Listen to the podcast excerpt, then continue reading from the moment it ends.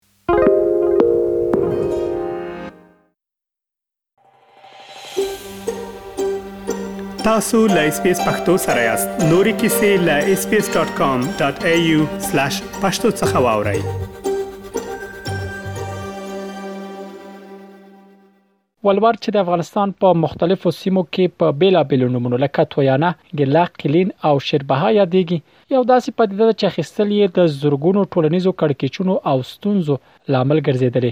په افغانستان کې د دې دود له کبله ځینې ځوانان چې بد اقتصادي حالت لري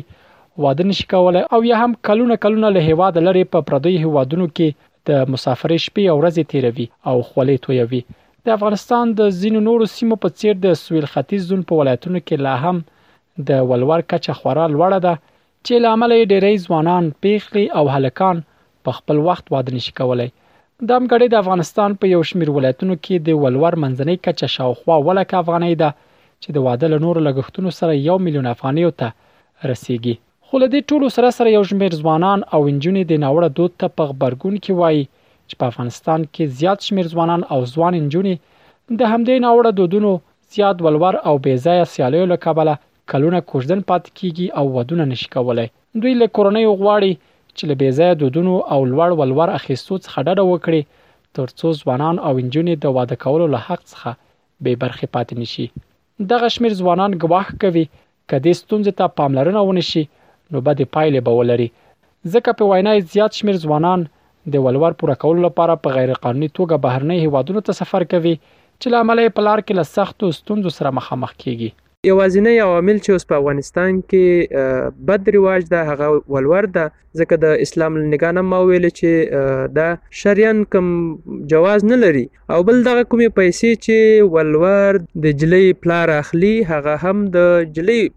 حق ده نو په افغانستان کې داسې څوک به نه اوسېږي چې یو څوک ولور پنځه ویشت لکه روپۍ یا لس لکه روپۍ یا شل لکه روپۍ اخلي نو هغه بیا بېرته خپلې لور ته ورکوي دا هم نشته ده که نه نو څوک چې ولور د اخلي هغه ټول د پلار جیب ته ځي او هغه سختي او بدبختي په چا باندې راځي بیرته په هغه ځوان باندې راځي. زیات ولور اخیستل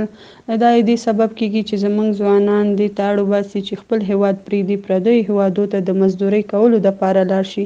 تر څو هلته دغه ټاکل شوی پیسې چې کوم دوی ته ټاکل شوي دي د هغې په پوره کیدو کې هغوی خپل ټول عمر هلته تېروي او هغه خپل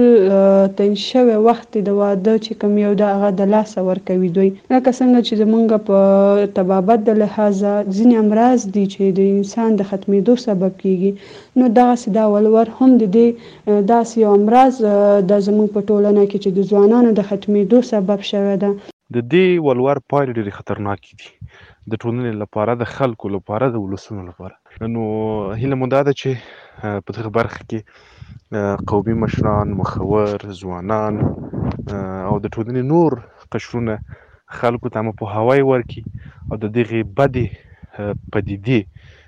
مخنیوی وکړي. له ډېرې مودې راهیسې په افغانستان کې چې هر سیاسي نظام رامنځته شوی، په دې نه ده توانېدلی چې د دې ناسمې ټولنیزې پدیدې مخه ونیسي. که څه هم په دې وروستیو کې د افغانستان په یو شمېر ولایتونو کې د لوړ ولور د راکمولو او بې ځایه دودونو د مخنیوي په پار هڅې شوي چې په لړ کې د اصلاحي قومي تړونونو له لارې په ځینې سیمو کې د ولور لپاره مناسبه اندازه ټاکل شوې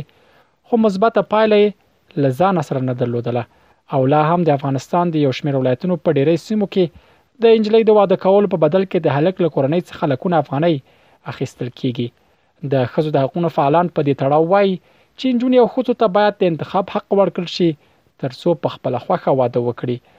دوی د لوړ ولور اخیستل په پښتو کې بد دود په ګوته کوي چې په خبره د همدې چارې لامل نږدې 50 سلنه ځوانان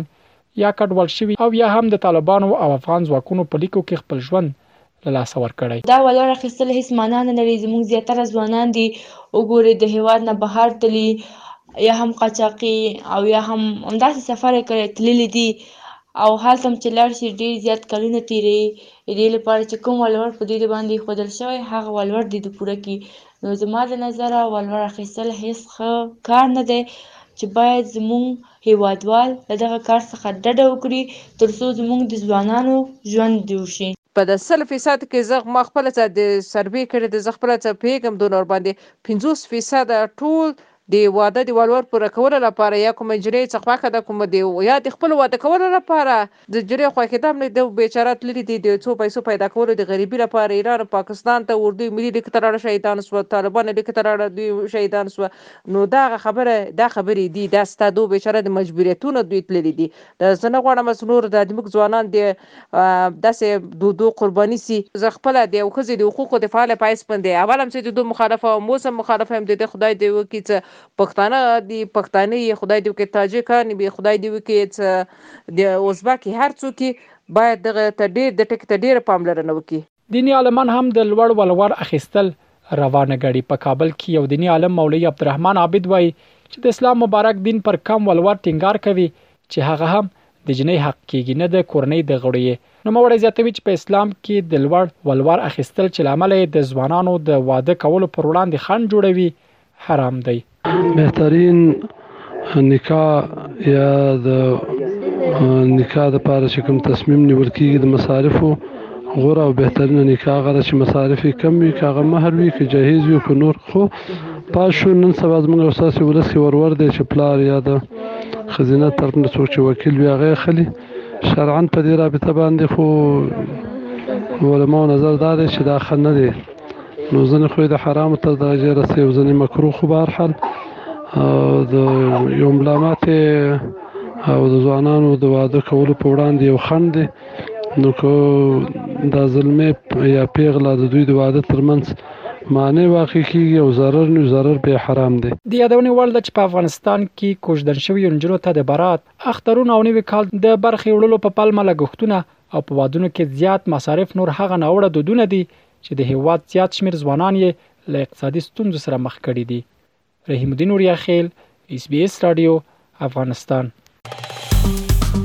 که غواړئ دغه سنوري کیسې هم او رینو د خپل پودکاسټ ګوګل پودکاسټ یا هم د خپل خوخي پر پودکاسټ یو اورئ